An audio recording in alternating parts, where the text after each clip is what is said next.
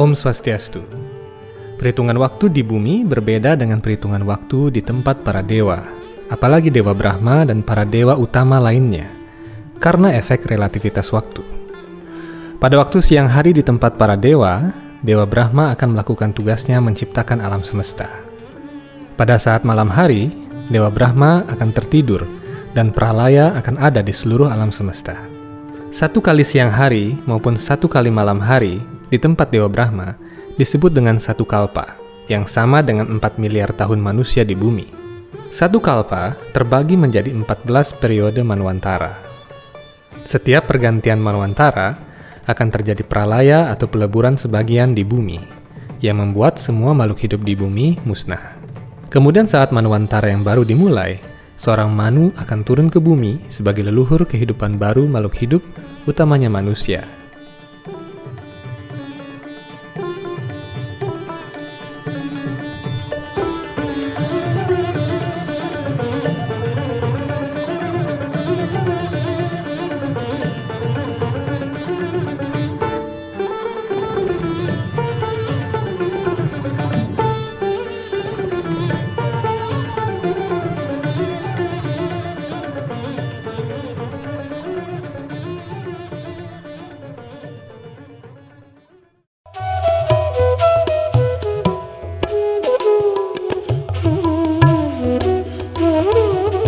Tatkala masa peralihan dari periode Manwantara ke-6 ke periode Manwantara ke-7, yakni periode Manwantara yang tengah berlangsung saat ini, Matsya Awatara yang dikenal sebagai Awatara pertama Sri Wisnu turun ke bumi untuk menyelamatkan Manu selanjutnya.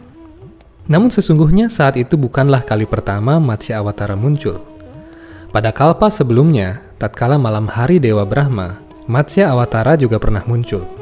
Sri Wisnu sendiri bersabda setiap kali bumi berada dalam bahaya dan ketika kejahatan merajalela, beliau sendiri akan turun ke alam semesta material ini untuk menyelamatkan para makhluk hidup. Kemunculan pertama Matsya Awatara adalah tatkala Dewa Brahma sedang tertidur pada masa kalpa sebelumnya, lebih dari 4 miliar tahun yang lampau bagi umat manusia.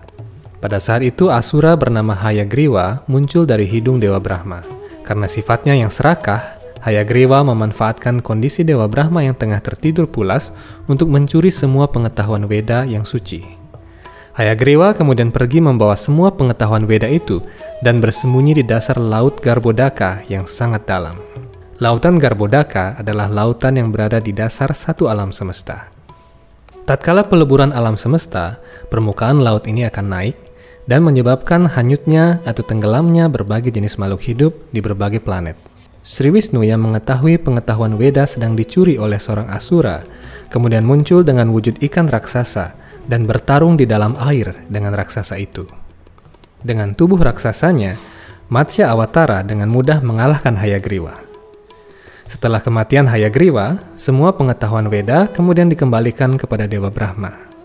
Pengetahuan Weda diturunkan di alam semesta ini melalui Dewa Brahma, kemudian dilanjutkan oleh orang-orang suci yang bertugas menjaga dan membimbing manusia di bumi ini maupun di planet-planet yang lain. Begitulah cara Tuhan untuk memastikan manusia di bumi ini agar mendapatkan pengetahuan beda dari zaman ke zaman.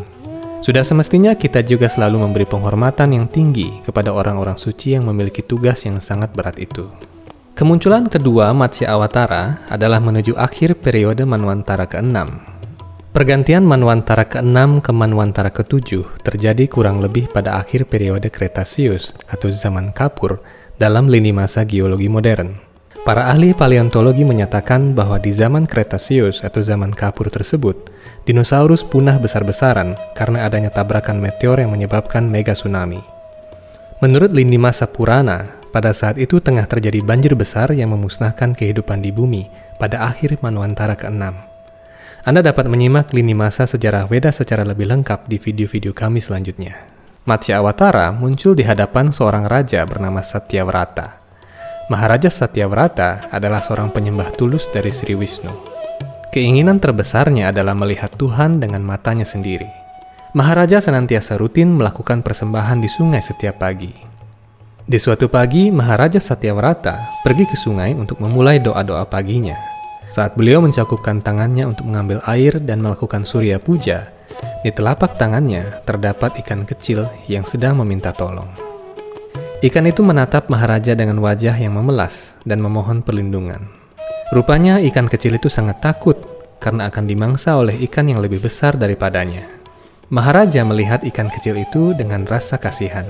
Sebagai seorang raja yang saleh, adalah tugas dari Maharaja untuk selalu melindungi siapa pun atau makhluk mana pun yang datang kepadanya untuk meminta bantuan. Dengan begitulah kemudian ikan itu dimasukkan ke dalam kendi kecil milik Maharaja. Setelah melakukan doa-doa paginya di tepi sungai, beliau membawa kendi yang berisi ikan kecil itu ke istananya dan meletakkan kendi itu dengan baik di atas meja. Keesokan paginya, Maharaja terbangun mendengar suara dari kendi kecil itu. Betapa terkejutnya beliau. Di sana, ikan yang dibawanya kemarin membesar dan memenuhi kendi kecil miliknya. Ikan itu terlihat terjepit di dalam kendi karena kendi itu terlalu kecil untuknya. Maharaja kemudian mencari wadah yang lebih besar yang cukup untuk menampung ukuran tubuh baru ikan itu.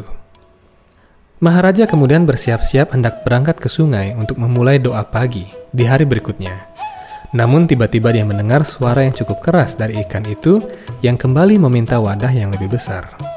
Maharaja Satyavrata kembali terkejut melihat ukuran ikan itu yang kian besar padahal baru ditinggalnya sebentar. Hanya beberapa jam saja, ikan ini tumbuh dengan sangat cepat. Raja Satyavrata kemudian kembali membawa wadah terbesar di rumahnya dan meletakkan ikan itu di dalamnya. Ikan itu kemudian mengucapkan terima kasih kepada Maharaja.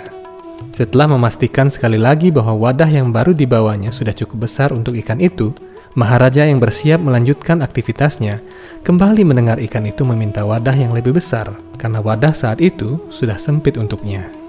Akhirnya Maharaja memutuskan membawa ikan itu kembali ke sungai karena ukurannya yang sudah cukup besar. Baru saja dilemparkan ke sungai, ikan itu kembali bertambah besar hingga seukuran sungai.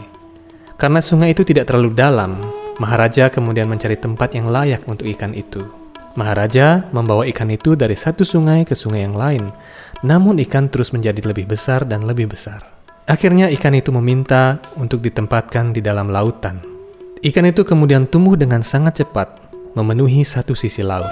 Melihat ikan dalam bentuk raksasa seperti itu, Maharaja kemudian tersadar bahwa ikan itu pastilah bukan ikan yang biasa. Beliau membungkuk di depan ikan itu dan mengucapkan salam. Dalam keadaan bersujud, Maharaja Satyavrata mengucapkan pujian-pujian dan ucapan syukur. Beliau yakin bahwa ikan tersebut pastilah Sri Wisnu yang sudah mau muncul di hadapannya. Raja Satyavrata pun bertanya, apa yang harus dia lakukan selanjutnya karena ia sudah memenuhi tujuan hidupnya untuk bertemu langsung dengan Sri Wisnu. Sri Wisnu yang adalah para matma di dalam setiap hati makhluk hidup, menjelaskan bahwa dalam tujuh hari lagi akan ada banjir besar dan semua makhluk hidup di bumi akan musnah karena adanya pergantian Manuantara dari Manuantara ke-6 ke Manuantara ke-7.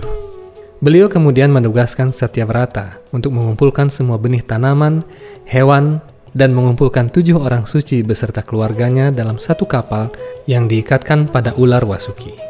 Di tepi laut, Maharaja Satyavrata sedang membangun kapalnya yang sangat besar.